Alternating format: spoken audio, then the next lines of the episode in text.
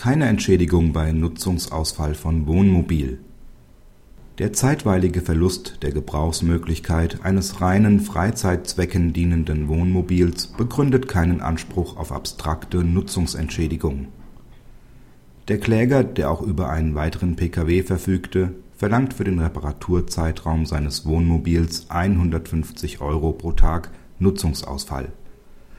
Die Klage blieb in allen Instanzen ohne Erfolg der BgH weist darauf hin, dass die Gebrauchsmöglichkeit eines Kfz grundsätzlich ein vermögenswertes Gut ist und bei vorübergehender Entziehung ein Vermögensschaden entstehen kann.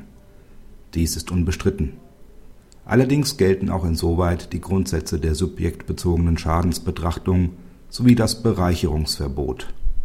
Es kommt also zuerst darauf an, ob ein Nutzungswille und eine Nutzungsmöglichkeit gegeben war. Hinzu kommen muss dass die Entbehrung der Nutzungsmöglichkeit fühlbar geworden ist, weil der Geschädigte sein Fahrzeug für seine alltägliche Lebensführung wirklich gebraucht hätte. Ansonsten bestünde die Gefahr, unter Verletzung von § 253 BGB die Ersatzpflicht auf Nichtvermögensschäden auszudehnen.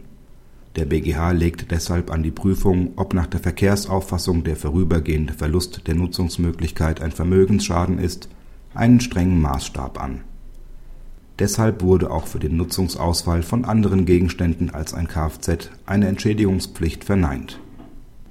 Da das Wohnmobil dem Kläger, der einen weiteren Pkw hatte, zu reinen Freizeitzwecken diente, teilte der BgH die Auffassung der Vorinstanzen, dass in einem solchen Fall die Beeinträchtigung der Gebrauchsmöglichkeit keinen Vermögensschaden darstellt. Nicht entschieden werden musste, ob dies auch für den Fall gilt, wenn mangels Pkw das Wohnmobil auch zu alltäglichen Transportfahrten genutzt wird. Praxishinweis Wichtig ist der Hinweis des BgH, dass allein der Ausfall des Fahrzeugs nicht reicht, um einen Nutzungsausfallanspruch zu begründen. Damit die Grenze zum immateriellen Schaden nicht verwischt wird, bedarf es einer fühlbaren Beeinträchtigung. Wird das Fahrzeug für die Mobilität nicht benötigt, im Fall stand hierfür ein Pkw zur Verfügung, fehlt es an einer solchen Beeinträchtigung.